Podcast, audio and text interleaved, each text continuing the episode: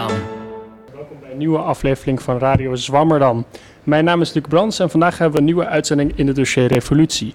Het is vandaag Moederdag uh, en daarom zullen we het vandaag hebben over Moeder Rusland. Um, eerder hadden we het in dit dossier over dataactivisme, het filosofisch denken achter revolutie en politiek geweld in de Rote Armee-fractie. Maar vandaag hebben we het dus over een van de bekendste revoluties in de geschiedenis, de Russische revolutie, en zijn uitwerkingen daarvan. Die Russische revolutie is natuurlijk precies een eeuw geleden dit jaar. En daarom is het ook een uitgelezen moment om hier even wat aandacht aan te besteden. Uh, vandaag zijn te gast Mark Jansen, historicus aan de UvA. Hij heeft veel over Rusland en andere delen van de Sovjet-Unie geschreven. En met hem zullen we het hebben over de Russische revolutie zelf en ook hoe deze herinnerd wordt in het huidige Rusland. Goedemorgen, Mark. Hallo. Uh, is voor jou de Russische revolutie ook echt de belangrijkste revolutie in de geschiedenis? Nou, belangrijkste, ik ben geen revolutionair, dus uh, ik, ik, doe niet aan belangrijkheid. Maar uh, ik kan me herinneren dat in de Sovjet-Russische historiografie de Nederlandse opstand tegen Spanje als de eerste burgerlijke revolutie werd genoemd. Dus dat hou ik er dan maar in als de belangrijkste. Maar de Nederlandse met, opstand? Ja, de Nederlandse opstand. Dat, okay. dat werd daar uh, uh, in de geschiedenisboekjes beschreven als de burgerlijke uh, revolutie. Maar de Russische revolutie heeft natuurlijk wel heel erg veel invloed gehad. Dus qua belangrijkheid doet die, scoort die vrij hoog, zou ik zeggen. Oké, okay. ja. nou we gaan daar straks nog uitgebreid over hebben. Naast Mark zit Cheng Schrijen. Hij is slavist aan de Universiteit Leiden. Specialiseert zich met name in de Oost-Europese kunsten. Uh, klopt dat? Zeker. Uh, zo heeft hij een biografie over de bekende impresario Diaghilev geschreven. En met hem spreken we vandaag over het ontstaan van de revolutionaire mentaliteit in de 19e eeuw onder Russische schrijvers. Maar ook over de Russische avant-garde kunst na de revolutie. Uh, Sheng, was de Russische revolutie ook een revolutie in de kunsten? Zeker. En vooral als je naar nog iets bredere begrip Russische revolutie kijkt. Want er was in 1905 ook een revolutie. En heel vaak wordt daar eigenlijk over hè, de revolutionaire periode in Rusland gesproken. Die gaat dan eigenlijk van 1905 tot 1920 of zo. Tot de burgeroorlog erbij. En als je die periode bekijkt, ja, dat is een periode van eigenlijk voortdurend revolutionaire ontwikkeling in de kunsten. Die ook een enorme invloed heeft uitgeoefend op ja, de kunsten wereldwijd. Dat danken bijvoorbeeld de, de, abstracte kunsten aan. Maar ik zou zelf zeggen dat ook het uh, conceptuele denken in de kunst in grote mate in Rusland is ontstaan. Het constructivisme is daar ontstaan. Uh, de invloed van de kunsten op de architectuur en de vormgeving is heel sterk geweest in Rusland. Dat is allemaal ook geëxporteerd. Dus ja, dat was een, een, een, een grote revolutie die inderdaad ja, weerklank heeft gevonden in de uh, kunstgeschiedenis van Europa en Amerika diepe grote schaal. Dus als het de kunst betreft is die Russische revolutie wel echt een wereldrevolutie geweest? In, ja, van de, in de westerse wereld. In de westerse hè? wereld, En we hebben erg de neiging om inderdaad de kunstgeschiedenis eh, altijd te zien van... ja, nee, dat is de hele wereld. Maar het is toch meestal de kunstgeschiedenis van Europa... en wat echo in Amerika. Ja. En, uh, uh, dus ja, zo, in zoverre als dat de wereld is, dan is het de wereldrevolutie. nou, dat is ja. wel mijn wereld. Uh, Daarnaast ja. Magiel Keestra, onze vaste columnist. Hij heeft, een, uh, hij heeft vast een hele revolutionaire column voor ons in petto. Kan je alvast een tipje van de sluier lichten, Magiel? nou, laat ik de luisteraar een raadseltje vast opgeven... waar hij of zij vooral zelf ook over na kan denken. welk van de twee begrippen past het beste bij revolutie? Wetenschap of moederschap? En ik hoop in mijn column uh, daar iets over te zeggen. Ja, dat is op deze moederdag natuurlijk een hele goe, heel goed moment. Ten slotte zit hier uh, naast mij aan tafel mijn lieftallige co-host Henk Rijgrok van der Werven. Uh, goedemorgen, Henk, Luc. Goedemorgen. Hoe is jouw Russisch? Non-existent, denk ik. Nostrovia. Maar dat schijnt ook weer eigenlijk helemaal niet Russisch te zijn, maar een soort van Amerikaanse verbastering van het woord voor proost in de Russisch. Eigenlijk niks. Kijk even met de schuin nog naar de Russisch sprekende heren aan tafel. volgens mij. Maar het, zeg maar, Russen zeggen uh, eigenlijk hetzelfde. Want ze, ja. ze toosten op iets. En dan ja. hoort ook een, een, een vaak een uh, ja, korte speech bij. En uh, zomaar op de gezondheid, want dat is eigenlijk... Uh, en dan zou een Rus trouwens in eerste instantie zazdarovje en niet nazdarovje zeggen. Het is niet fout, alleen je hoort het eigenlijk niet. En daarbij zomaar op iemands gezondheid wensen is voor een Rus natuurlijk wel uh, heel gevaarlijk. Russen zijn vreselijk bijgelovig. Dus um, je kunt maar beter um, ja, op iets algemeners dan op iemands gezondheid toosten. Want dat kan wel eens verkeerd uitpakken. Uh, waar, waar toosten ze dan op in eerste instantie? Heel veel lange speeches moet je houden. Heel en dat wordt speeches. ook van de gasten verwacht.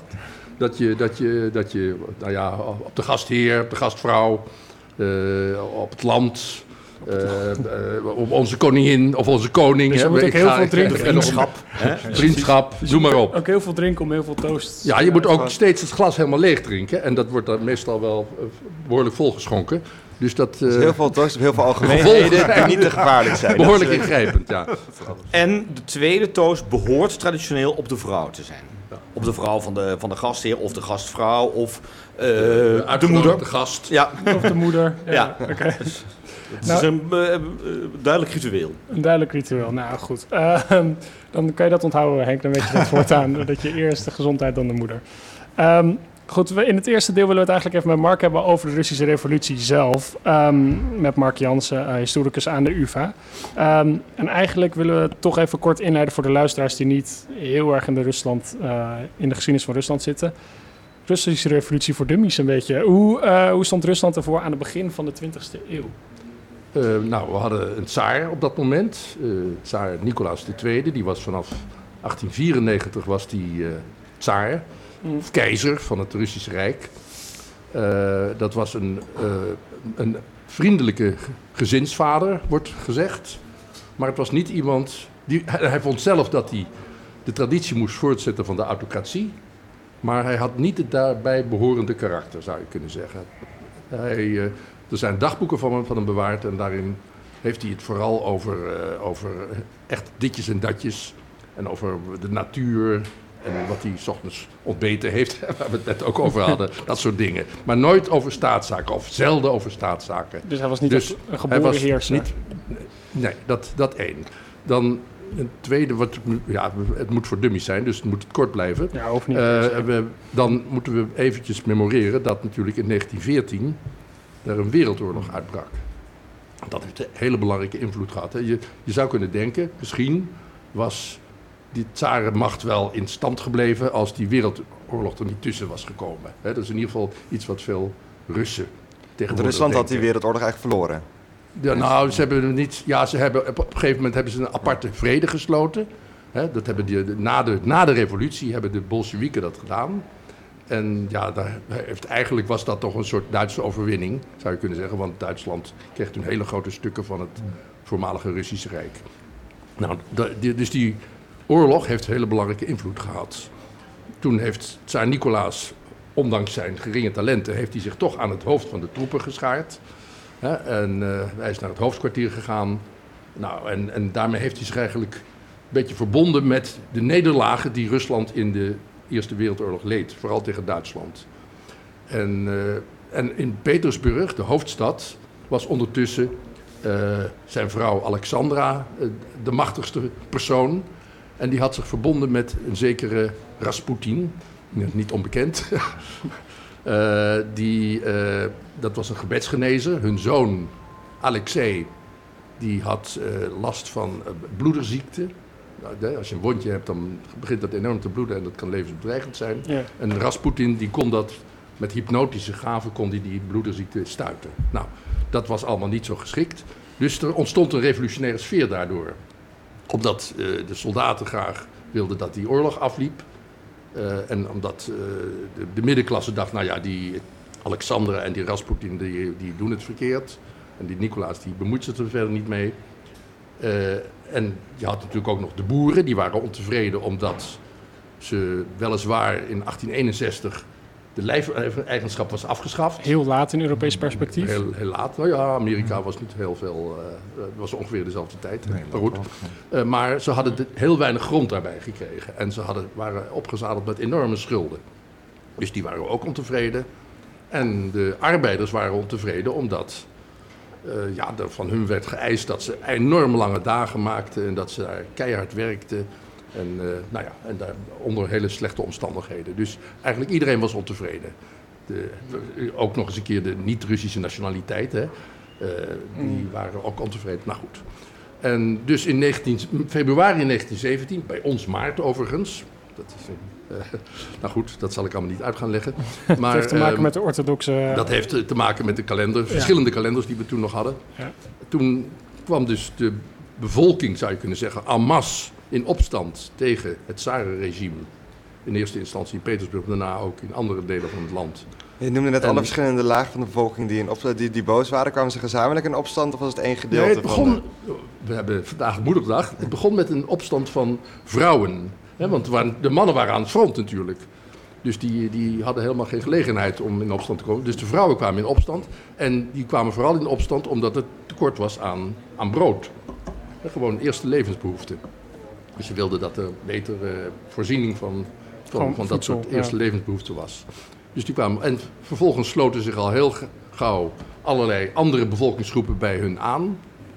En dat groeide uit tot een echte revolutie.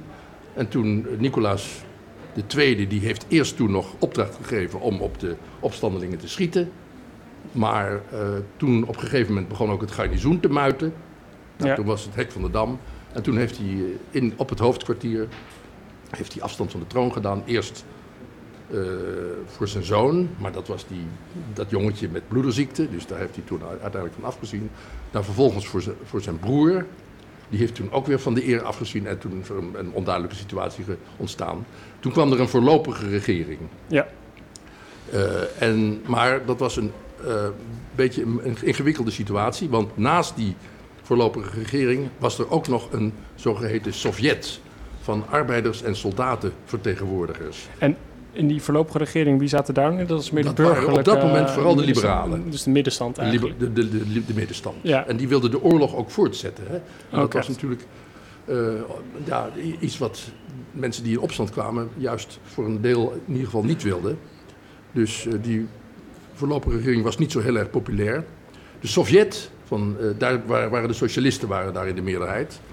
Die heeft zich daar morrend enigszins bij aangesloten. Want ze dachten ook, ja, we kunnen nou niet midden in de oorlog opeens ons terugtrekken. Dat is niet eerlijk ten opzichte van de bondgenoten. Mm. Dus die zijn daar een beetje morrend mee Een akkoord bond, gegaan. bondgenoten in dit geval waren Frankrijk en Engeland.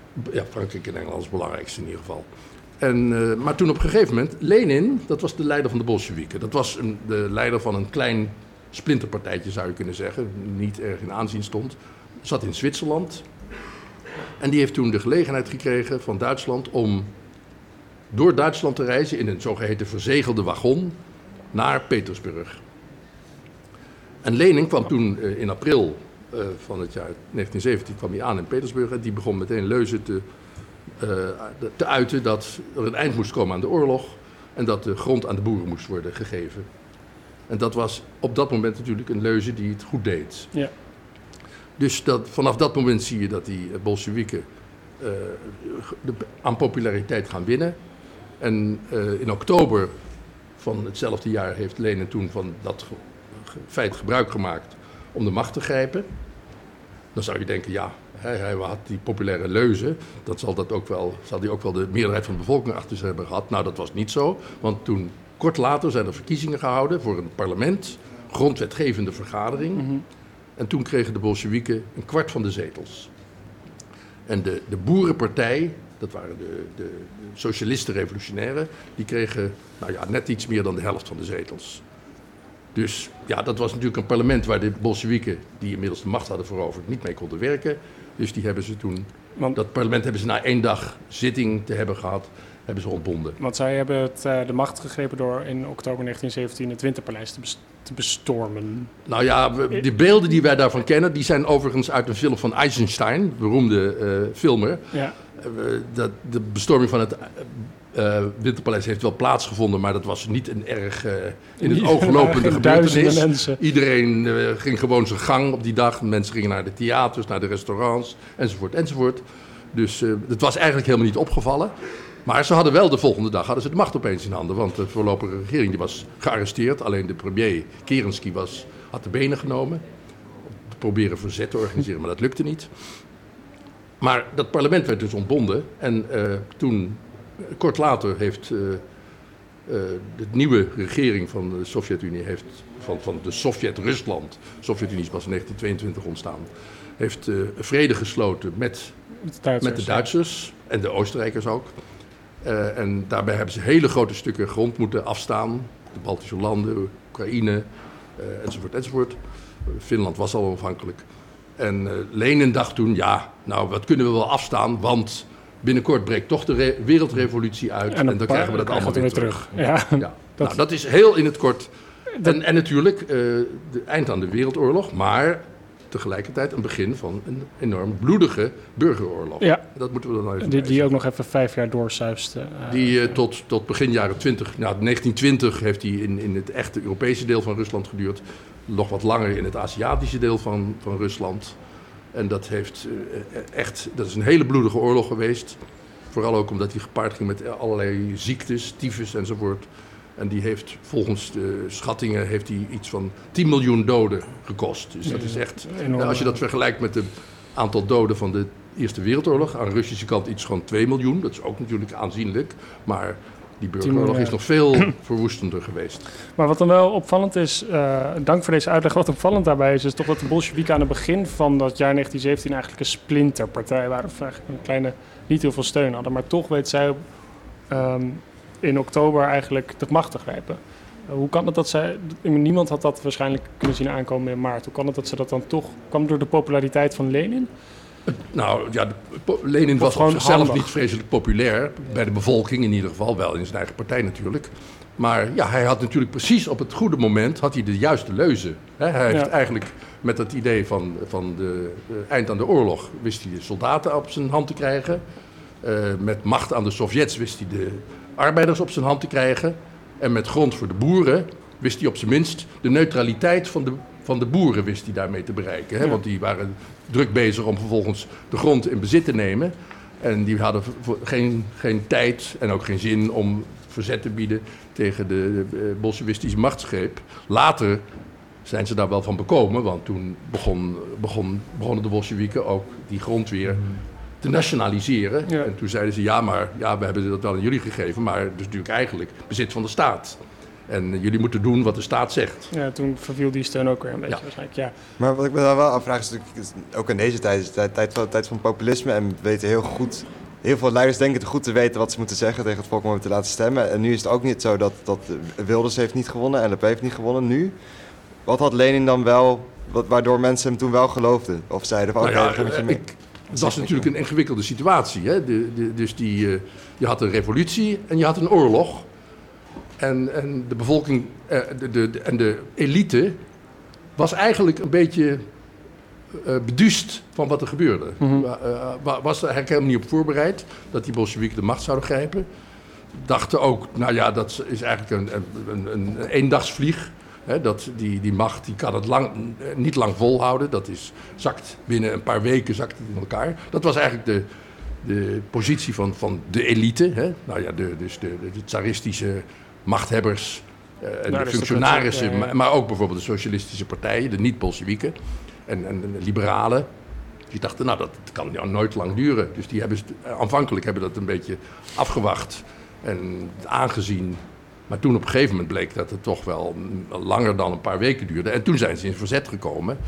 En toen hebben de Bolsjewieken natuurlijk het voordeel gehad dat zij het, de grote steden in, eh, in, Ja. in hun macht hadden. En het centrum van Rusland. Terwijl de, de, de Witten, zo werden de tegenstanders genoemd. En op een gegeven moment komen daar generaals aan het hoofd te staan. Dus dat is dan op een gegeven moment echt een, een militaire si- situatie. En de Roden staan onder leiding van, van Trotsky, hè, dus de, de Leo Trotsky. En eh, toen, toen hadden zij natuurlijk het nadeel dat zij vanuit de periferie moesten opereren. En dat ze ook nog eens verdeeld waren. Je had een, eh, een wit leger in, in, in het Baltische gebied. Je had een wit leger in, in Siberië. En je had een wit Mm. leger in Oekraïne. Maar die hadden heel slecht contact met elkaar. Dus die konden daardoor niet één vuist maken. En ja, dat is ook weer in het voordeel van de Bolsjewieken heeft dat gewerkt, zou je kunnen zeggen. Cheng? Ja, en als ik daar nog eh, aan mag toevoegen, een van de krachten van Lenin was dat hij volkomen eh, efficiënt en cynisch was in zijn eh, gebruik van de macht. En dat is, dat is eigenlijk iets ongelooflijks als je dat vergelijkt met nou ja, andere politici die we misschien ook wel opportunistisch of cynisch zullen vinden. Lenin vond het geen enkel probleem om heel kort na de revolutie onmiddellijk bijvoorbeeld een algemene perscensuur in te stellen. Terwijl hij zijn leven lang als politicus natuurlijk altijd persvrijheid had ehm, ehm, eh, eh, gezegd dat dat moest gebeuren. En dat werd ook volledig en zeer krachtdadig toegepast. Dus onmiddellijk eh, totale perscensuur. Er werden binnen een jaar 450 of meer kranten gesloten.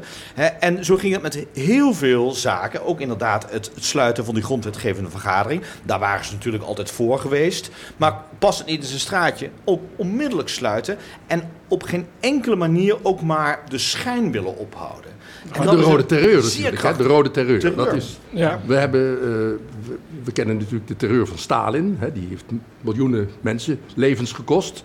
Maar ook meteen na de revolutie is, is er ook een, een terreurgolf over Rusland gegaan. Toen is de geheime politie is ingesteld. Onder leiding van Dzerzhinsky. De CK heet die eh, Oh, ja. eerste geheime politie. Later heeft hij nog allerlei andere namen gekregen.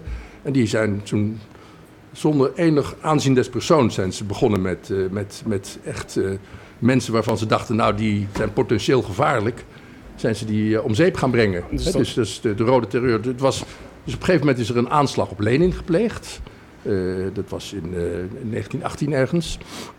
En toen als strafmaatregel zijn toen zogeheten gijzelaars van de bourgeoisie zijn toen in, met duizenden zijn tegen de muur gezet en zijn omgebracht. Dat is- En dat is een van de middelen geweest natuurlijk waarmee Lenin heeft bereikt dat, dat, eh, dat, dat zijn macht geconsolideerd kon worden. Dus een totaal angstbewind eigenlijk invoeren. Ja, in die zin wel, ja. ja. En eh, ja, ik wil nog vragen, als je had de persvrijheid die, eh, die ingeperkt werd onder, onder Lenin. Maar hoe, in hoeverre had ze persvrijheid onder het, onder het, onder het zaar dan? Weet je, dat Die was natuurlijk ook niet al te best. Maar er was in ieder geval vanaf die februari-revolutie was er algemene persvrijheid. Dus was een half jaar was er persvrijheid geweest. En vanaf 1905, dus vanaf die, die allereerste revolutie, was er wel veel minder censuur. Hè, vanaf 1907 eh, is het, ja, eh, ik zal niet zeggen dat de pers volledig vrij is. Er was censuur, maar er was veel meer vrijheid dan zullen we zeggen, onder Lenin of onder de Sovjet-Unie ooit is geweest. Dus ehm, eh, ja, ze waren inmiddels wel redelijk gewend aan een behoorlijk relatief vrije pers. Ja. En hoe kan het dat mensen dat dan hebben geaccepteerd meteen? Want hij was ook nog steeds zo populair. Omdat hij gewoon ja, volkomen bruut en ehm, zonder aanzien des persoons inderdaad eh, de, het verweer en het protest neersloeg. Keihard. Ja. Daarbij vergeleken zijn mensen als Trump en Wilders en het zelfs dan- Poetin natuurlijk allemaal sissies. Maar begin- leverde hem dat eh, eh, toch ook een soort bewondering op? Ik herinner me, een jaar geleden was ik op een 1 mei toevallig in, in Moskou en zag een eh 1 mei eh, optocht met beeldenissen van Lenin en Stalin in een soort iconenversie, dus als een soort heilige. Ehm, dus in ieder geval nu lijkt in ieder geval onder een deel van de bevolking echt een soort verering van deze sterke mannen te zijn. Was dat destijds ook wel eh, dat er Nou, die bewondering... Lenin ligt in het mausoleum nog steeds. Hè? Ja, hij ligt ja. gewoon in het centrum van Moskou, ligt hij aan het Rode Plein, het centrale plein van Moskou. Daar is een mausoleum en daar lag, vroeger lag daar Stalin ook trouwens. Hmm. Maar die heeft er vrij kort gelegen, alles bij elkaar, van, van 53 tot 61, dus acht jaar, alles bij elkaar. Maar Lenin ligt er nog steeds. En de vraag is natuurlijk, eh, want, want Poetin staat eigenlijk vrij kritisch ten opzichte van Lenin. Hij heeft bij een aantal gelegenheden heeft hij hem eh, toch wel eh, in vrij negatieve termen neergezet.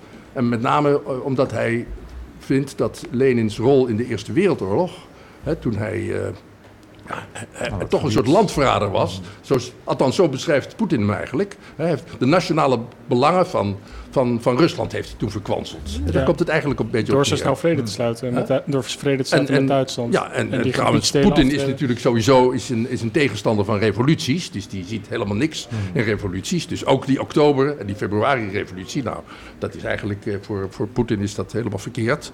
Eh, dus, eh, dus hij zit met, met eh, verering. Er is er inderdaad verering, want hij ligt daar nog steeds. Communisten, die, je hebt nog steeds een communistische partij in Rusland. Die vereren Lenin nog steeds. En die vereren ook Stalin trouwens nog steeds. Eh, ja, ze hebben op dit moment een minderheid in Rusland. Maar Poetin houdt toch wel rekening met, met de gevoelens in die bevolkingsgroep. Dus het is niet waarschijnlijk, hè, want dat is natuurlijk iets wat, wat dan opkomt. Ja, als je dan zo kritisch tegenover Lenin staat. en er is inmiddels ook een deel van de bevolking die, ja, die denkt. nou ja, die Lenin die kunnen we nou wel langzamerhand uit het mausoleum halen. trekken, ja. Maar omdat hij natuurlijk toch. twee- volgend jaar zijn er verkiezingen voor president wil hij wel graag een heel hoog percentage halen. En hij wil dan niet al van tevoren, wil hij die stemmen van bijvoorbeeld die communisten, wil hij al eh, verliezen. Dus ik verwacht dat- zelf niet, hè, hoewel er best een stemming in het land bestaat dat het eh, inmiddels wel zou kunnen, dat, dat hij dat gaat aanwagen om hem eruit te halen. Dus het is best moeilijk nu eigenlijk hoe ze met die hele belangrijke gebeurtenis, ook met heel veel doden, hoe ze daarmee om moeten gaan in de publieke herinnering. Dat is best lastig voor Poetin, kan ik me zo voorstellen. Eh, nou ja, dan Want heb hoe je wordt dus, dat nu herdacht, die hele oktoberrevolutie? Ja, hebt, ja, als je het over terreur hebt, dan heb je natuurlijk ook de Stalin-terreur, waar, waar men op een bepaalde manier mee om moet gaan. En de Lenin-terreur. Nou ja, er is in ieder geval. Je kunt wel zeggen dat er inmiddels eh, mogelijk is om, om niet alleen om Lenin eh, kritiek te leveren op Lenin, eh, op zijn rol in de revolutie, maar ook bijvoorbeeld over, over de, de Rode Terreur. Hè. Er staan stukken in Russische kranten waarin wordt gezegd, nou, Lenin heeft toch ook wel heel veel mensen over de kling gejaagd. En dat is nou niet, zo, niet bepaald fraai. Maar als je kijkt naar het geschiedenisbeeld van iemand als Poetin, de man die toch uit- op dit moment de leiding heeft in Rusland, dan eh, kan je zeggen dat hij toch die negatieve kanten van de revolutie liever een beetje in de schaduw laat staan. Hij wil graag eh, Rusland als een groot land dat altijd grote daden heeft verricht, wil hij eh, herinnerd zien de- door, de, door de meeste burgers. Dat, dus dat beeld van, van de, de, de grote heldendaden van Rusland, dat wil hij graag benadrukken. En ja, Lenin past daar niet erg goed in, in dat beeld. Stalin past er voor een deel wel in, want Stalin heeft natuurlijk de overwinning in de Tweede Wereldoorlog Ja. behaald. Dus met Stalin zit het een beetje moeilijk. Hè? Aan de ene kant, Poetin heeft ook wel kritiek geleverd op, eh, op, op de terreur van Stalin. Hè? Dus, eh, bij een aantal gelegenheden. Maar tegelijkertijd zitten ze er toch mee, mee, mee in hun maag. Want ja, ze moeten toch ook die, die positieve rol van Stalin benadrukken. Hij heeft Rusland groot gemaakt. Hij heeft het een, tot een grote industriële natie gemaakt. Dat soort Ja. dingen. Dat wordt een beetje, ja, het zit een beetje met elkaar in strijd. Dus maar een beetje, hij zit een beetje in en- spagaat wat betreft Stalin. het is eigenlijk, ja. een beetje een spagaat, maar dan zie je toch wel dat toch wel die benadrukking van de, de grote rol van Stalin eerder in de, de belangstelling meer trekt dan die schaduwkanten van, van Stalin. Dat wordt een beetje weggemoffeld eigenlijk. En als we het over de revolutie zelf hebben, ik bedoel, het is dit- jaar dus een eeuw geleden. En hier door heel Amsterdam hangen posters van een eh, hermitage tentoonstelling over de Romanovs en revolutie. Ja. Ehm, in Rusland zelf eh, wordt er überhaupt dit gevierd. Nee, Rusland eh, is, is eigenlijk, als je kijkt naar het aantal bijeenkomsten en, en, en optochten en zo, dan is dat toch wel heel erg mager wat je ziet. En ik denk dat, dat, dat eh, men in Rusland, ja, hè, afgezien dan van, van de communisten die de Lenin en Stalin ho- hoog hebben zitten, dat men toch een klein beetje eh, ja, de, buik vol heeft van, van, van, van die Bolsjewieken, van die revolutie enzovoort enzovoort. En je ziet een beetje een soort van nostalgie in Rusland naar, naar het Rusland wat we hebben verloren. Zo wordt het wel genoemd. En wanneer is dat dan verloren? Is dat dan en het dat, is, Rusland van dat de zou je kunnen zeggen, dat is eigenlijk in 1913 is dat verloren gegaan. Hè? Dus het, het, het, het, het Rus... En dat zie je ook een beetje in die hermitage tentoonstelling. Hè? Ik was laatst, was, was ik daar. En toen eh, had ik een rondleiding. En toen zei ik op het eind eh, tegen die mevrouw die dat had georganiseerd... of die had mijn rondleiding had geleid... eh, ja, ik vind het wel een leuke, leuke interessante tentoonstelling. Ik vind wel dat erg de nadruk ligt op Nicolaas II. Ja. En heel weinig op, op de revolutie. En toen zei die mevrouw tegen mij: Ja, maar dat is wat de Russen ons hebben gestuurd. Dat is kennelijk wat de Russen op dit moment graag. Zo willen de Russen graag dat die revolutie wordt herdacht. Dus dat, dat, dat. Men heeft meer aandacht voor Nicolaas II, eh, eh, die inmiddels trouwens heilig is verklaard door de Russisch-Orthodoxe Kerk. Die is herbegraven, enzovoort, enzovoort. Dan, dan voor Lenin. Maar ik ben wel betrokken geweest aan de zijlijn eh, bij deze tentoonstelling. Omdat ik in een eh, adviesraadje zit bij de Hermitage. En inderdaad hebben zij ontzettend te maken met ehm, de, de visie op eh, die revolutie zoals inderdaad door de Hermitage... wat natuurlijk gewoon een, staatsinstelling uiteindelijk is, hoe die wordt verwoord... En ze hebben nog wel een beetje geprobeerd om ehm, daar een, een iets meer afgewogen ehm, visie op te geven. Maar nu is dat ook nog moeilijk, omdat het Nederlands publiek natuurlijk ook gewoon zich graag wil verlustigen in heerlijke plaatjes over die tsaren. En eh, dat blijkt vreselijk goed te doen. Dus ze zitten tussen Nederland- twee vuren die eigenlijk Nou, een heel moet conservatief... niet alleen maar het publiek te willen willen zijn natuurlijk. dat- hè. Je moet het ook een beetje tegen de haren helemaal instrijken. Ja, maar eh, dit is zoals Eh, die tentoonstelling deels eh, tot stand is gekomen. Ja, en dat is inderdaad niet helemaal oké. En als je Nederlandse geschiedenis bekijkt, zijn Nederlanders ook misschien iets meer eh, monarchistisch dan revolutionair ingesteld. Zou ik Nou ja, het, Is- Nederlandse is het Koningshuis is geparenteerd aan de Romanovs. Hè? Ja, ja, twee lijnen zelfs. Ja. Dus Dus eh, ja, ja. dat ligt al voor de hand. Maar misschien is dat dan nog een vage na-echo van de tsarenmythe eh die heerst in de 19e eeuw. dat die tsaar nu zo verheerlijkt wordt. Zou je dat zo kunnen zeggen? Eh, ja. Het idee van vadertje tsaar doet alles goed voor Nou ons. ja, eh, sommige mensen die zien eh, Vladimir Poetin als Vladimir, ja, hoeveelste de tweede. Hè? Je hebt in ieder geval Vladimir Ah, ja. de Heilige ooit gehad. Die zat er overigens in Kiev. Maar die heeft onlangs heeft hij een groot standbeeld gekregen vlak naast het Kremlin. Hè, dus dan, de- en, ja, dan wordt, daar werd toen een beetje ge, ge- gegrinnikt. Ja, Vladimir Poetin heeft een beeld voor Vladimir de Heilige neergezet. maar hij heeft er eigenlijk mee, ook toch een beetje mee zichzelf eh, mee in de schijnwerper Ja, gezet. dus zo wordt er toch een beetje een lijn aangebracht. Eh dankjewel Mark Jansen voor jouw uitleg over de Russische revolutie en ook over hoe die dan nu herdacht wordt. Ik wil graag gaan naar de column van Machiel Keestra, eh, onze vaste columnist. Ehm, er wordt even hier wat heen en weer gewisseld met de microfoon. maar daar is hij. Oké, Machiel. Jawel, goedemorgen. Ik had u daarnet opgegeven raadseltje. Welk begrip past het beste bij revolutie? Wetenschap of moederschap? Eh, maar eerst een stukje terug. Wanneer wij heden ten dagen denken aan revolutie of aan iets revolutionairs, dan denken we aan een breuk met het verleden, aan een drastische vernieuwing. Meestal in politieke zin, maar het kan ook wat breder genomen worden. Zoals bij een culturele revolutie, een revolutie in de muziek, of bijvoorbeeld bij de zogenaamde wetenschapsrevolutie. In al die gevallen signaleert het woord de revolutie dat meer dan een graduele verandering heeft plaatsgevonden. Dat er niet sprake is van een beetje meer vrijheid, wat minder artistieke drang of een andere grijstint. Het woord revolutie wordt juist gebruikt als we, op zijn minst achteraf, een duidelijke scheiding tussen vooraf aan de revolutie en na de revolutie kunnen waarnemen. Deze betekenis had het woord revolutie aanvankelijk niet. Interessant is dat de oorspronkelijke toepassing betrekking had op de omwenteling van de hemelse lichamen, voorwaar geen wereldschokkende of verrassende gebeurtenissen.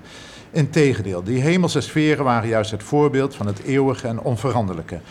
Copernicus publiceerde zo vlak voor zijn dood in 1543 zijn astronomische inzichten nog onder de titel De Revolutionibus Orbium Celestium, wat zoiets betekent als over de omwentelingen van de hemelse sferen. In het Nederlands van die tijd wordt wel gesproken van een herlopingen of een rollingen. Na een bepaalde periode, voor elk hemellichaam weer een andere, komt een hemellichaam weer aan bij het uitgangspunt om dan nagenoeg hetzelfde parcours af te leggen. Een soort van cirkelbeweging die om een denkbeeldige as draait. De eerste keer, volgens etymologische woordenboeken, dat het woord echt in een politieke context wordt gebruikt, is notabene in verband met de roemrijke omwenteling, ofwel de Glorious Revolution, die plaatsvond toen het Nederlands-Engelse koningspaar Willem III en Mary Stuart de oversteek waagden om het koningschap over Engeland, Schotland en Ierland op zich te nemen op instigatie van bepaalde Britse facties. Die actie betekende inderdaad een nieuwe start op allerlei fronten. Echter, tegelijkertijd betekende deze omwenteling juist ook een herstel van de monarchie, zoals die enkele eh, decennia eerder nog in eh, Engeland was. Daarmee wordt de Januskop van ook de politieke revolutie goed duidelijk. Enerzijds is er sprake van een breuk met het verleden, een begin van iets nieuws, maar natuurlijk is er tegelijkertijd ook continuïteit, verband met het verleden. De Januskop van de revolutie heeft de wetenschapshistoricus en filosoof Thomas Kuhn nogal wat hoofdbrekens gekost na de publicatie van zijn baanbrekende boek The Structure of Scientific Revolutions in 1962. Zijn analyse van de moderne wetenschappelijke revolutie, die waarbij Copernicus, Galileo, Newton tot de hoofdrolspelers behoorden, werd door velen geïnterpreteerd als zou de moderne wetenschap een radicale breuk met het verleden behoren. Het moderne wetenschappelijke paradigma, de term die Kuhn hiervoor introduceerde, zou zelfs incompatibel of incommensurabel zijn met de pre-moderne wetenschap. Met andere woorden, er zou geen overlappende maat tussen de twee wetenschappelijke wereldbeelden te vinden zijn. Die twee zouden volstrekt van elkaar verschillen. Dit leverde Koen een tweeledige kritiek op van wetenschapshistorici, van filosofen en vele anderen. Ten eerste werd hem verweten dat hij de continuïteit van de wetenschapsgeschiedenis ontkende, waarbij de vernieuwers toch ook voortgebouwd hadden op het werk van hun voortgangers. Of, zoals Newton al stelde, zij, zij konden verder kijken dan hun voorgangers, omdat ze immers op hun schouders stonden. Het tweede en ernstige verwijt aan Koen was dat hij een soort van relativisme introduceerde. Volgens zijn reconstructie zou datgene wat eerder nog als ware en geldige kennis werd opgevat, dat domweg niet meer zijn volgens de criteria van het moderne, het nieuwe wetenschapsparadigma. En omgekeerd. Het leek er dus op dat Koen ontkende dat wij kennis en inzicht uit een andere periode of cultuur kunnen beoordelen met behulp van gemeenschappelijke of overlappende criteria. Terwijl wij kennis bijvoorbeeld juist gebruiken om gebeurtenissen in de wereld te voorspellen en te manipuleren. Juist ten aanzien van die voorspellingen en experimentele manipulaties van de wereld zijn wij aanzienlijk succesvoller geworden dan men vroeger was. Zeker in de natuurwetenschappen is dat het geval. In het naschrift dat Koen in 1969 toevoegde aan een nieuwe editie, bestreed hij deze lectuur van zijn boek en onderstreepte de continuïteit tussen de premoderne en de moderne wetenschap. Op een aantal wezenlijke aspecten waren de denkkaders of wetenschappelijke matrixen, paradigma's van die periodes helemaal niet zo verschillend, stelde Koen, zodat ze wel degelijk met elkaar vergeleken konden worden. En die vergelijking, zo maakte hij duidelijk, we leverden ook als resultaat op dat er een stevige groei en vooruitgang in de natuurwetenschap te zien is. Thomas Kuhn leek er dus voor terug te schrikken om het revolutiebegrip te handhaven.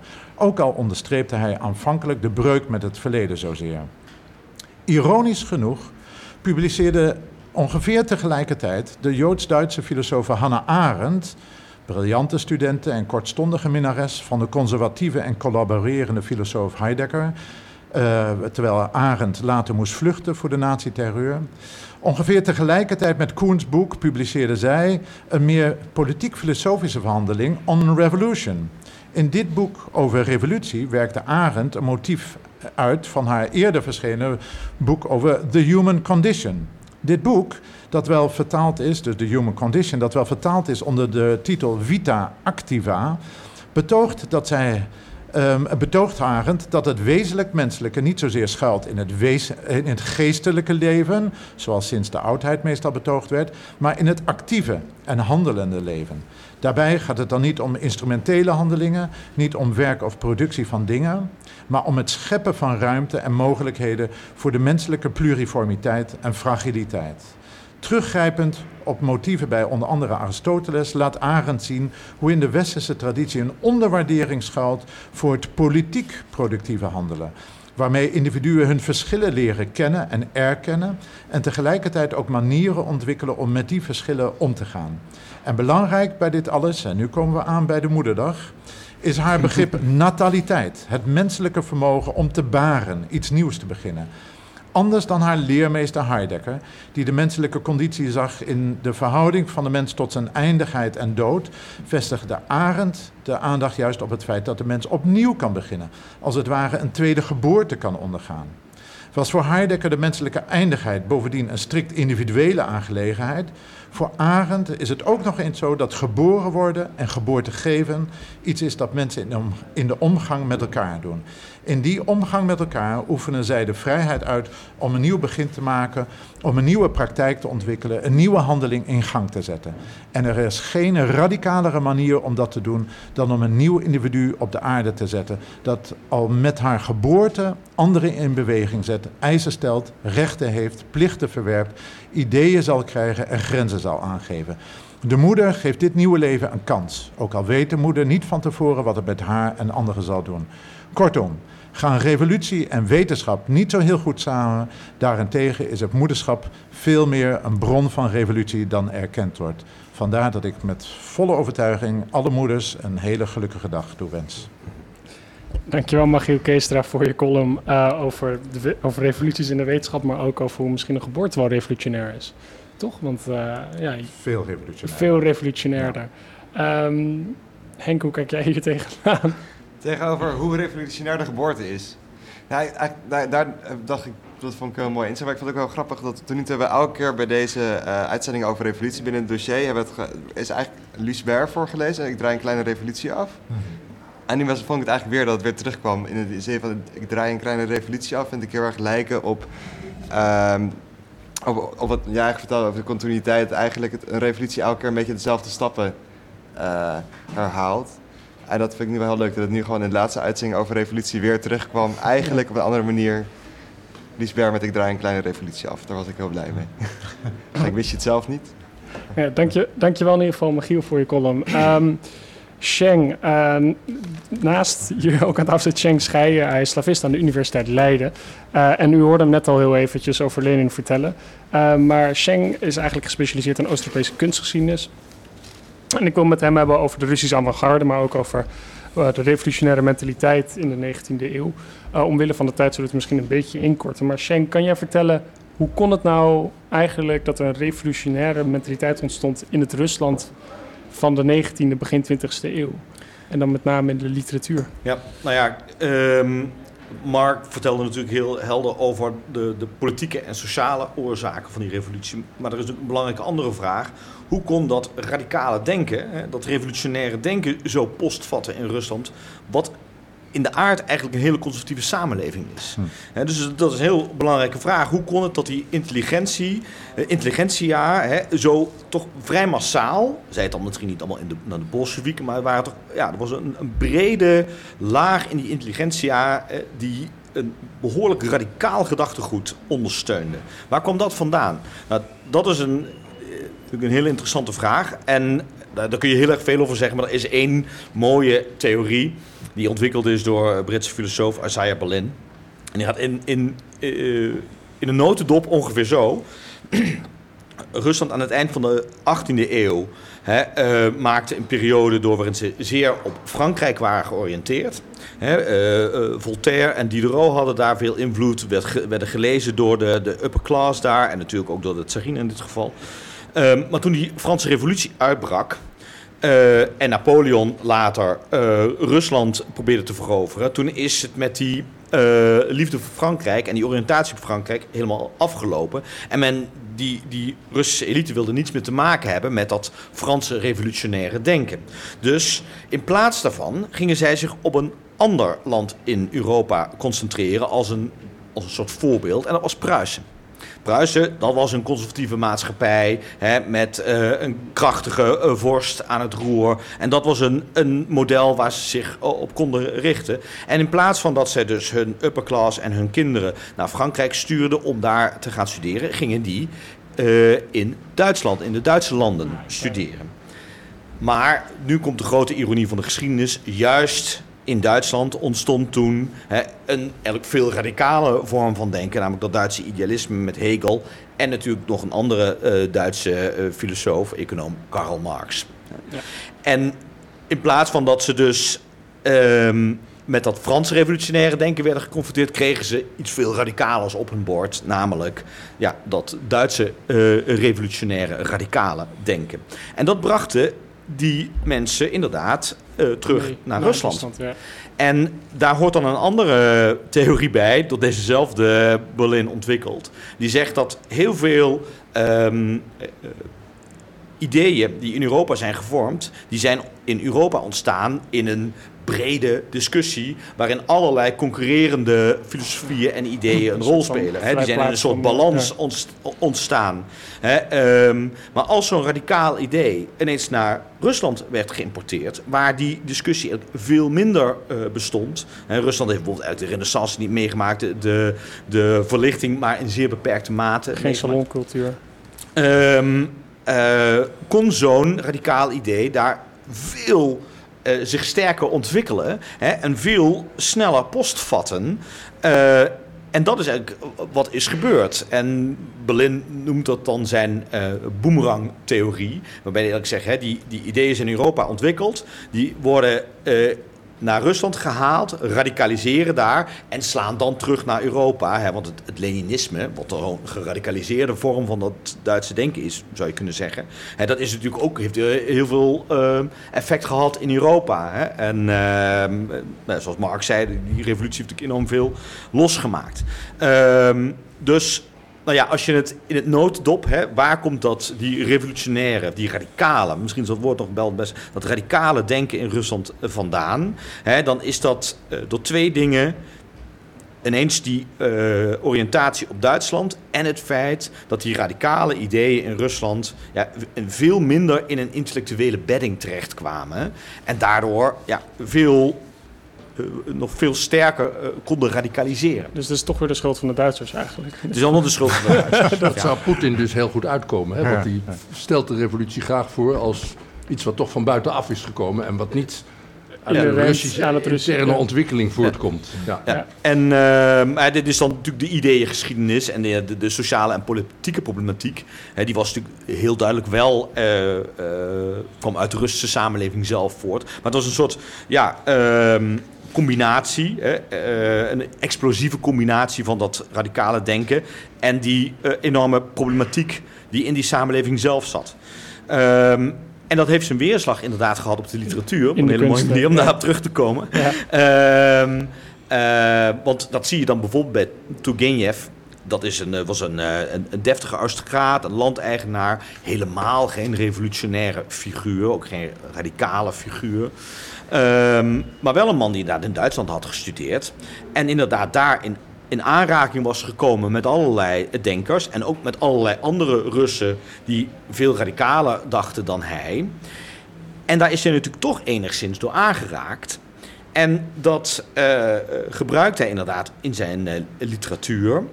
en, uh, en de Russische staat was daar eigenlijk helemaal niet in staat om daarmee om te gaan. En in plaats van ja, dat ehm, een beetje zijn gang te laten gaan. Gewoon en een beetje die gekkies te laten praten. Precies. Hè, of in ieder geval het intellectuele discours zich te laten ontwikkelen.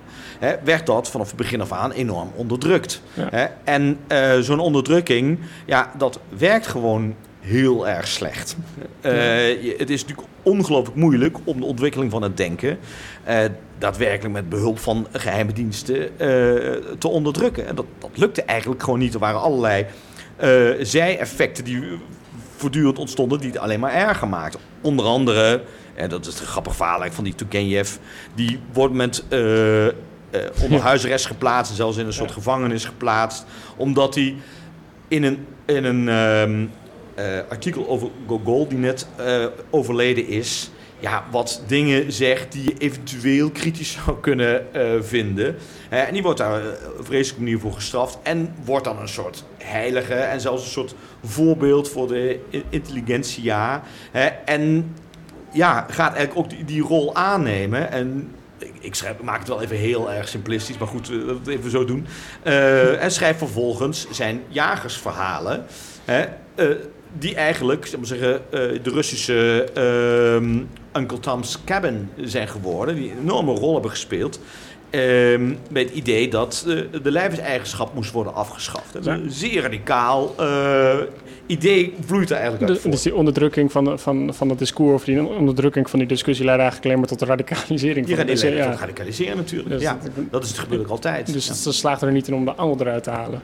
Volstrekt niet. Nee. nee sterker. en ze hadden het ook gewoon, en dat is ook begrijpelijk, ze hadden het niet helemaal door wat nou precies um, uh, echt gevaarlijk was. En zo werd uh, het kapitaal van Karl Marx werd gewoon uh, vertaald. Sterker, de Russische vertaling is waarschijnlijk een van de eerste vertalingen in een andere taal. en want dan dacht ze, ja, dat is zo ingewikkeld, economisch hmm. traktaat. is, het, dat, nee, is het ook heel ingewikkeld natuurlijk. Is het ook vreselijk ingewikkeld, maar natuurlijk wel een curiositeit. Ja. dat in dat land dat zo'n onderdrukking van de uh, persvrijheid had, dat uitgerekend het kapitaal daar gewoon werd gedrukt.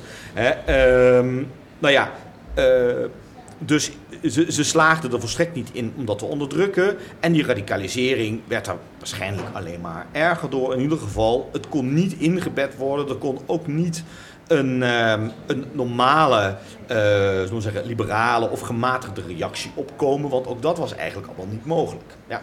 Dus um, zo broeit er wat dan toch via de kunsten ook echt in de samenleving. Zeker, zeker. En dat is nog, nog een bijzonder feit. Hè, dat de censuur was natuurlijk uh, zeer uitgebreid. Maar in de literatuur was dat relatief minder. Dus daardoor ontstond eh, de fictie, de roman, die toch een, soort, bepaald soort status had, werd in zekere zin een soort platform voor eh, filosofische en politieke discussie. Dat zie je in, bij Dostoevsky, bij Tolstoy, hè, zelfs dus bij deze Turgenev, eigenlijk helemaal geen man met een politiek karakter was. Hè. Eh, daar zie je dus dat eh, terugkeren. Dus dat is een van de redenen, wordt altijd gezegd, het is een theorie, eh, ehm, dat die Russische roman zich zo ongelooflijk kon ontwikkelen hè, en tot zo'n enorme rijkdom kon komen, is omdat ja, eigenlijk het gehele intellectuele, politieke en filosofische discours een, een weg probeerde te vinden via die roman. Oké, dus, eh, dus die roman gaat dan een heel belangrijke De rol ik. De romanvorm gaat een hele belangrijke rol spelen. Ehm, nu is het zo dat daarmee kunnen we iets beter begrijpen hoe de revolutie, hoe dat ontstaan is. Tenminste, hoe dat denken over revolutie ontstaan is. Maar je hebt niet alleen onderzoek gedaan naar dat, of tenminste, je bent niet alleen deskundig op dat pre-revolutionaire, maar ook met name op dat post-revolutionaire eh, verhaal in Rusland, Ja. in de kunst. Eh, zo heb je onderzoek gedaan naar de Russische avant-garde. Die is natuurlijk nu wereldberoemd, überhaupt. En eh, zeker sinds de Malevich tentoonstelling het stedelijke een paar jaar terug is dat ook ontzettend hip geworden weer in Nederland. Godzijdank. Godzijdank, inderdaad. Eh namen als Malevich, Il- Lisitsky en Kandinsky spreken natuurlijk heel erg tot de verbeelding. Ehm, kan je even kort uitleggen wat dat voor stroming was en waarom deze zo bijzonder was en hoe die misschien samenhangt met de revolutie, wat de revolutie daarmee van doen heeft? Ja, je had, ehm, ja, wat ik al heel in het begin even zei, die hele revolutionaire periode in Rusland van 1905 tot 1917 was ook een periode waarin eh, ja, het land zich eigenlijk heel erg eh, ontwikkelde. Er was weliswaar met heel veel eh, ups en downs, maar toch grote economische groei, economische verstedelijking. En daarmee samenhing eigenlijk een enorme bloei in de kunsten. En die, en die is heel breed. Die begint al eigenlijk aan het eind van de 19e eeuw. Hè, dus er is ook een hele rijke symbolistische traditie in Rusland. De beeldende kunst begint zich ineens echt te ontwikkelen. En die was eigenlijk tikje onderontwikkeld, zou je kunnen zeggen, in Rusland. Maar dat gaat allemaal ja, vrij revolutionair, omdat ja, die, eh, dat land zich gewoon zo explosief aan het ontwikkelen is. Als je bijvoorbeeld naar de verstedelijking kijkt. Hè, ehm, eh, als ik het goed heb, ja, rond de jaren 90. Ik graaf een beetje mijn geheugen, Mark, maar kan me misschien verbeteren. Het was, eh, was Moskou bestond uit een paar honderdduizend inwoners. Dat is een kleine stad. En ehm, ja, dat heeft zich ongelooflijk sterk ontwikkeld. Petersburg was eh, eh, net voor de eh, Eerste Wereldoorlog woonden er bijna 2,5 miljoen mensen. Was de derde stad qua grootte in Europa. Dus dat waren gewoon enorme grote centra van ontwikkeling en van intellectueel leven. En dus ook van kunstzinnig leven. En ook daar geldt enigszins, omdat ze relatief weinig traditie hadden, konden allerlei radicale ideeën uit Europa, bijvoorbeeld het kubisme, heel snel postvatten in Rusland. En werden daar enorm snel geïmporteerd. En eigenlijk ook heel snel tot een soort radicale conclusie gevoerd. Dus daar danken we eh, onder andere bijvoorbeeld het ontstaan van abstracte kunst bij. Dat is wel echt iets wat volledig in Rusland is gebeurd. Kandinsky, Malevich, eh, dat zijn de... Er zijn nog wel een paar andere trouwens die daarmee experimenteerden. De vaders van eh, het abstracte denken in de kunsten. Nou, dat zijn allemaal Russen. Ehm, ehm, dat, dat is eigenlijk een soort ja, eh, radicale receptie van bijvoorbeeld het kubisme. Hè, of de manier waarop het Duitse expressionisme zich aan het ontwikkelen was. Die, die Russen pakken dat op. En die voeren dat eigenlijk tot zijn logische eindconclusie in zeer korte tijd. Heeft, heeft dit ook weer te maken met die Duitsland-oriëntatie die er sterk heerst in die tijd? Ja, in de kunsten was er ook altijd een sterke Franse oriëntatie. Mm. hè. Dus je ziet dat er heel veel Russische kunstenaars in Parijs zijn. Voor de Eerste Wereldoorlog. Het was echt een grote Russische kolonie. En die waren daar eigenlijk volledig geïntegreerd. Eh, dus die kenden inderdaad Picasso, volgden dat. En, heel belangrijk, er waren ook eh, Russische mecenassen en verzamelaars... Ja. die heel erg eh, op Europa georiënteerd waren. Dus de belangrijkste verzamelaar van bijvoorbeeld de meest radicale werk van Picasso was een Rus, die man heette Shukin. Ja. Nou, als je het meest radicale werk van Picasso wilde zien rond 1913, dan moest je naar Moskou toe. En die man verzamelde dat, letterlijk met kisten tegelijkertijd werden die radicale werken van Picasso gekocht. Ehm, Picasso had nooit zo sterk die, die ontwikkeling door kunnen gaan als hij niet die Russische verzamelaar had gehad die dat allemaal wilde kopen. En die Russische verzamelaar die eh, stelde dat ook open voor het publiek. Ieder weekend, zaterdag en zondag, waren de deuren van zijn paleis geopend. En kom men Picasso bekijken. En kon men Picasso bekijken. Dus die Russische jongens op de kunstacademie, daar waren hele jonge gastjes. Die eh, hadden meer toegang tot radicale Picasso's dan iemand die in Pa- Parijs woont. En, en die gaven er dan een radicale draai aan uiteindelijk. En zo ontstond dus de Russische avant-garde. En dat is In, in een noot. in de notendop. Ja, en dat is ja. natuurlijk een hele brede stroming die ook verder gaat dan de schilderkunst. Het gaat Zeker. dus ook film, eh, Ja, dit, architectuur. dit, dit gebeurde in zekere zin in, in eh, hè, dit proces wat ik net be- beschrijf, ook in eh, de muziek en in de literatuur. Hè. Maar de beeldende kunst is wel ehm, heel typerend daarvoor. Hè. Je, je, je, er is ook heel veel experiment in de poëzie bijvoorbeeld. Maar dat is toch, zou ik zeggen, meer in balans met wat er in Europa gebeurt. En die Russische eh beeldende kunst maakt ineens echt een, ja, een radicale stap die eh, de Europese kunst dan net niet maakt of zo. Hè. Hoewel je ineens, gek genoeg, in de Eerste Wereldoorlog, als er ehm, ineens al die uitwisseling tussen Oost en West ineens helemaal stopt. Dat bijvoorbeeld in Nederland, hè, in Leiden notabene, een paar jongens ook ineens abstract werk gaan maken, Mondriaan. Ja. Hè, dus, maar dat gebeurt gek genoeg in, ehm, ehm, in afzondering. Dat is heel vreemd. Ja, Ja. Dan ontstaat misschien ook een beetje de stijl en het Bauhaus in Precies. Duitsland. En, Ja. eh, ja. Ja, Bauhaus is net daarna. Bauhaus heeft overigens ook veel Russische invloed gehad. Kandinsky ging daar werken. Later ja. eh, eh, Naum Gabo, een grote Russische avant-gardist. En ze namen ook heel veel theorieën uit die Russische avant-garde over. Dus daar zat ook weer die kruisbestuiving. En, Zeker. en eh, goed, in de jaren 20 en was het eigenlijk een beetje het hoogtepunt van de avant-garde. Maar dat komt op een gegeven moment tot zijn einde in de jaren 30 als, eh, tenminste in Rusland zelf, als die Russische avant-gardisten eh, ja, toch daar grenzen aan worden gesteld. Ehm, Ja, eigenlijk gebeurt dat nog wel wat eerder zelfs. Hoor. Eerder. Dus die, eh, maar wat, wat zou je als het hoogtepunt kunnen beschouwen en hoe komt daar dan een einde aan?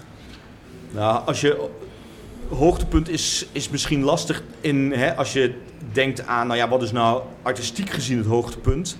Dan denk ik eerder dat je zelfs nog naar 1915 zou moeten gaan, want toen zijn de meest radicale ideeën eigenlijk al ontwikkeld. Maar waar die, die korte periode dat de avant-garde onder de Sovjetregering zich enigszins kon ontwikkelen. Hè, eh, die is wel bijzonder, omdat het toen voor het eerst zo ja, massaal is geweest. Ze hebben één jaar gehad, eigenlijk is het maar één jaar, hè, dus direct het, jaar onmiddellijk na de revolutie, dat zij echt even de wind in de zeilen hadden. En bijvoorbeeld bij de eerste verjaardag van de revolutie, dus dat was dus oktober 1918, of begin november 1918, eh, toen mochten zij in Moskou en Petersburg die hele stad versieren. Oh. En dat hebben ze toen ook radicaal gedaan. Dus er is bijvoorbeeld het plein voor de Hermitage, voor het Winterpaleis, helemaal met een waanzinnige abstracte eh, constructie eh, helemaal ingenomen. Hè. Dat waren waanzinnige grote abstracte panelen die ook zelfs helemaal tussen de paleizen inhingen. En rondom de Alexanderzuil. ehm, dat was het, het grote middenpunt van dat plein. Dus een enorm plein. Wat helemaal op omgenomen door die eh, abstracte composities. Nou ja, dat is natuurlijk iets ongekends in de wereld. Dat, dat heeft natuurlijk in Europa ook nooit plaatsgevonden. Dus als je dat visualiseert, ziet dat er natuurlijk als het hoogtepunt uit. Ja.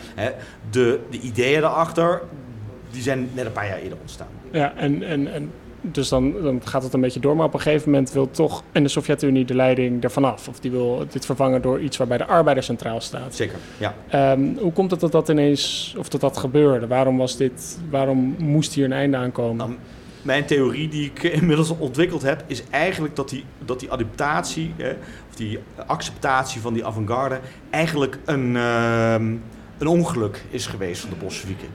Eh, ehm, dat kan ik vrij hard maken. Ehm, eigenlijk eh, hadden ze er helemaal niks mee. Lenin was sowieso zeer conservatief als het in de kunsten ging. Maar zelfs de minister van Onderwijs, Anatoly Lunacharsky, die heel vaak wordt voorgesteld als iemand die die avant-garde eigenlijk ehm, ehm, nou ja, had binnengehaald. Dat klopt trouwens wel, maar dat, dat ook steunde.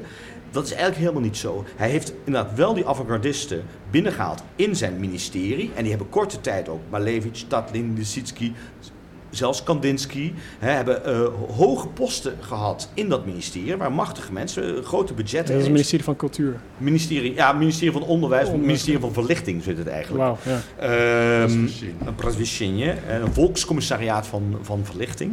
Eh, maar goed, het was inderdaad een ministerie van Onderwijs en Cultuur. Ehm, die had ze daar binnen gehaald, maar die had hen eigenlijk nodig om ja, zijn programma uit te kunnen voeren. Want in het begin had hij gewoon vreselijk veel moeite om het establishment voor zich te winnen. En hij moest nou ja, uh, kunstscholen nationaliseren, alle um, kunstcollecties moesten genationaliseerd worden. Er moest inderdaad uh, ja, op allerlei manieren moest er een revolutie plaatsvinden in die bureaucratie.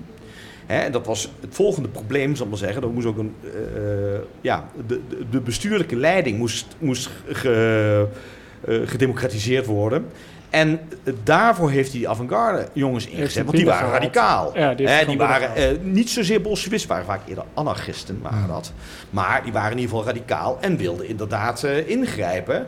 En uh, om die reden heeft hij hen binnengehaald. Ja, en toen kreeg hij dus al die abstract gedoe en al constructies kreeg hij erbij. Maar daar hebben ze ook onmiddellijk na een jaar alweer een einde aan gemaakt. En ook Lunacharsky, als je goed kijkt naar zijn hoe hij zich daarover uit, ook intern, vond hij dat allemaal helemaal niks. Al die dus, abstracte vond hij van nee, een beetje vaag hij, hij, was, hij was wel een wat uh, verlichtere figuur dan Lenin. Hè, maar hij was eerder een soort liberale intellectueel uh, van het type ja, zoals je dat uh, rond 1905 had. hij, hij geloofde wel, weet je wel, uh, postimpressionisme, Gauguin, Van Gogh dat was weet je wel oké, maar dat was toch wel voor hem hè, het einde van de ontwikkeling. Ja, precies. Hè, en uh, ja, verder gaan was natuurlijk gewoon een beetje onzin. En het was een soort filosofische figuur, die Lunacharsky, ook wel een echte intellectueel en een, ongelooflijk begaafd mens. Um, uh, en hij zag wel in dat er hè, in een revolutionaire tijd allemaal rare dingen gebeurden. Maar dat was voor hem toch een, een, een, een tijdelijk uh, raar gedoe. En eigenlijk heeft hij vrij snel, is hij ook hè, dat Russische realisme, wat eigenlijk een 19e eeuwse stroming is, is hij gaan accepteren ja. als het model om te gaan ontwikkelen. Hè. En uh, dan krijg je echt begin jaren 30 wordt dat volkomen officieel. Dan komt er een, ja, een officieel esthetisch beleid. Hè, en dan wordt het, het socialistisch realisme ontstaat dan als een ja, gecanoniseerd uh, staatssysteem in de kunsten. Uh, maar eigenlijk moet je zeggen, is het rond 1919 met die prominente positie van die avant-garde in de Sovjet-Unie is het al voorbij. Is en dan zit het nog een beetje in de marge door en dan wordt het in de jaren 30 is het helemaal afgelopen. Een aantal van die avant-gardisten die vluchten dan ook naar het westen uh, en naar, naar, de Verenigde Staten en naar Duitsland met name. Ja. Ja. En um, uh, jij schrijft hier ook een boek over, begreep ik. Uh, wanneer kunnen we dat boek verwachten? Ja, dat zou elke deze maand uitkomen, maar er is toch wat vertraging, dus het wordt na de zomer. na de zomer. Zoals een academicus ja. betaamt is er wat vertraging. Maar dat is ja, dat is, wel, eh, dat is wel meer vertraging. Maar goed, het valt hem prachtig mee op de 100-jarige uh, verjaardag van de Oktoberrevolutie. Hmm. Dan is dat boek Oké, okay, en nou, dan kunnen we ons alvast verheugen op dit boek. we zijn bijna aan het einde gekomen van onze uitzending, geloof ik. Ehm, ik wil jullie nog eigenlijk beide heel even kort vragen. En dat is misschien een korte laatste vraag, dus ik met de nadruk op kort. Um, Mark Jansen en Shank Scheijen, vinden jullie dat er genoeg begrip is van Rusland in het huidige Nederland? Of denk je dat dat beter kan als?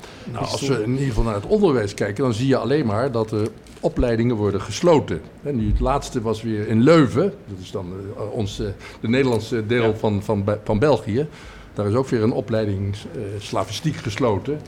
Dus uh, nee, dat vind ik dus niet. In, in Amsterdam is het een, uh, ondergebracht bij Europese studies. En je hebt dan wel aparte slavistiek. Uh, Leiden heeft een, nog een hele opleiding voor Russische studies. Maar oh, ja, ik weet niet, daar moet ik maar over vertellen. Maar in ieder geval, nee, ik vind dat, dat, dat er onvoldoende uh, begrip voor is. Voor, voor, uh, de, wordt gekweekt ook voor wat er, wat er in Rusland gaande is. En uh, ja, dat vind ik een slechte ontwikkeling. Denk je dat dit bepaalt... Ja, ik, ben het daar, ik sluit me daar helemaal mee aan. Uh, toen ik ging studeren waren er vier of vijf hoogleraren uh, die zich bijvoorbeeld met Russische cultuur bezighielden. Er is er nu nog één in heel Nederland. Ja. Um, er is er ook inderdaad nog één in België. Um, er is nog één taalkunde hoogleraar. Dat waren er ook een stuk of vijf. Um, dus dat, dat is een enorme verarming in een land dat steeds rijker wordt en waar steeds meer mensen gaan studeren. En dat is problematisch. En dat zie je overal. Je ziet het in de ministeries. De kranten hebben natuurlijk steeds minder correspondenten. Uh, dus ja, dat is wel een probleem. In een ja. wereld die, die mondialiseert, en worden wij steeds provinciaal. Ja, dat, dat er moeten alleen maar hele algemene studies worden hmm. aangeboden op dit moment. Eigenlijk... Europese studies, eh, cultuurstudies, noem maar op. Ja, algemeen, en de, de, de, sociale, zeg maar de, beetje gespecialiseerde studies, internationale betrekkingen. die moeten daar eh, onder lijden. Ja. Ja. Dat is eigenlijk een hele treurige slotsom van deze toch wel heel erg interessante uitzending. Eh, ik hoorde eindtune al, dus ik moet gaan afronden. Maar eh, ik vond het heel interessant om van jullie beiden te horen. U hoorde eh, Mark Jansen, historicus aan de UvA, vertellen over de Russische revolutie en hoe die nu dan herdacht wordt. En u hoorde Schenk Scheijer vertellen over de revolutionaire mentaliteit in de 19e eeuw in Rusland, maar ook over de avant-garde kunst. Van hem kunnen we dan nog een boek verwachten. Eh, van Mark Jansen ligt er al een boek, namelijk Grensland over Ja, en misschien eh, volgend jaar nog weer eens een boek. Maar di- dit jaar niet in ieder geval. De- Dit jaar nog niet, oké, volgend jaar. Eh Magiel Keestra droeg een erg interessante column voor, die ik u ook als u nu pas ons hoort, zeker aanraad om terug te luisteren. Eh, daarnaast zat Henk Rijgelijk van der Werven, mijn eh co-host. Dankjewel, Henk. Graag gedaan, Luc. Jij dankjewel. Dank Mirjam voor de techniek. Ehm laat vanmiddag goed idee de uitzending op Soundcloud terugluisteren of in uw podcast feed. feed. Like ons op Facebook, volg ons op Twitter, kijk op de website, al het gebruikelijke. Subscribe op onze podcast. Het leukste blijft natuurlijk als je live langskomt. Er is ruimte voor publiek. Ehm, en volgende week zondag zijn we er weer om 11 uur. Dan hoort u een nieuwe uitzending over de Bijlmer. En mijn naam was Luc Brandt. Dit was mijn allerlaatste uitzending voor Radio Zwammerdam die ik zelf produceerde. Eh, ik zal na deze, zomer na twee, deze zomer na jaar ermee stoppen, helaas. Ik word wel iets te oud. Eh, maar het was altijd een waar genoegen om uitzendingen voor u te maken. U luistert naar Radio Zwammerdam en wens u nog een hele fijne zondagmiddag en een fijne moederdag. Dank u wel. Klaar? Zeker. Het is niet wel lekker als je gewoon Eh, opnemen bent. eh, ik zie dat jullie niet helemaal aan de klokje hoeft te houden. Nee, hebben ons... eh, Ja, eigenlijk Ik zat al te kijken, 12 uur. Maar de ja, je liet hem gewoon doorpraten. Dus. ja, voor de live uitzending wel, maar... eh, Ik zag wel een beetje zenuwen, maar ik dacht, ja, ik, eh, ik babbel.